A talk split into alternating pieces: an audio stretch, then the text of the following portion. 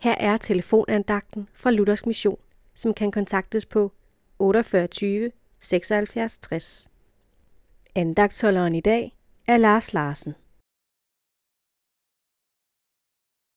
Når man gerne vil leve sit liv som en kristen, så kan det ske, at man gerne vil kunne tro mere helhjertet på Jesus.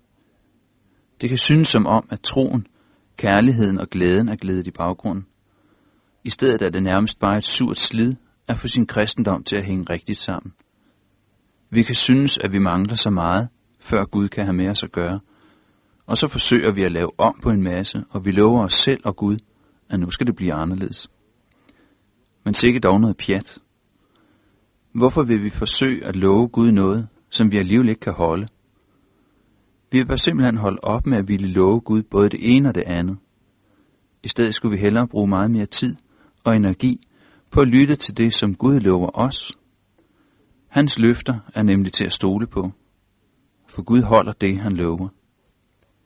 I Efeserbrevet kapitel 2, vers 4 og 5 står der sådan her. I sin rige barmhjertighed, og på grund af den store kærlighed, han elskede os med, gjorde Gud os, der var døde i vores overtrædelser, levende med Kristus. Af noget er I frelst. Sådan er det.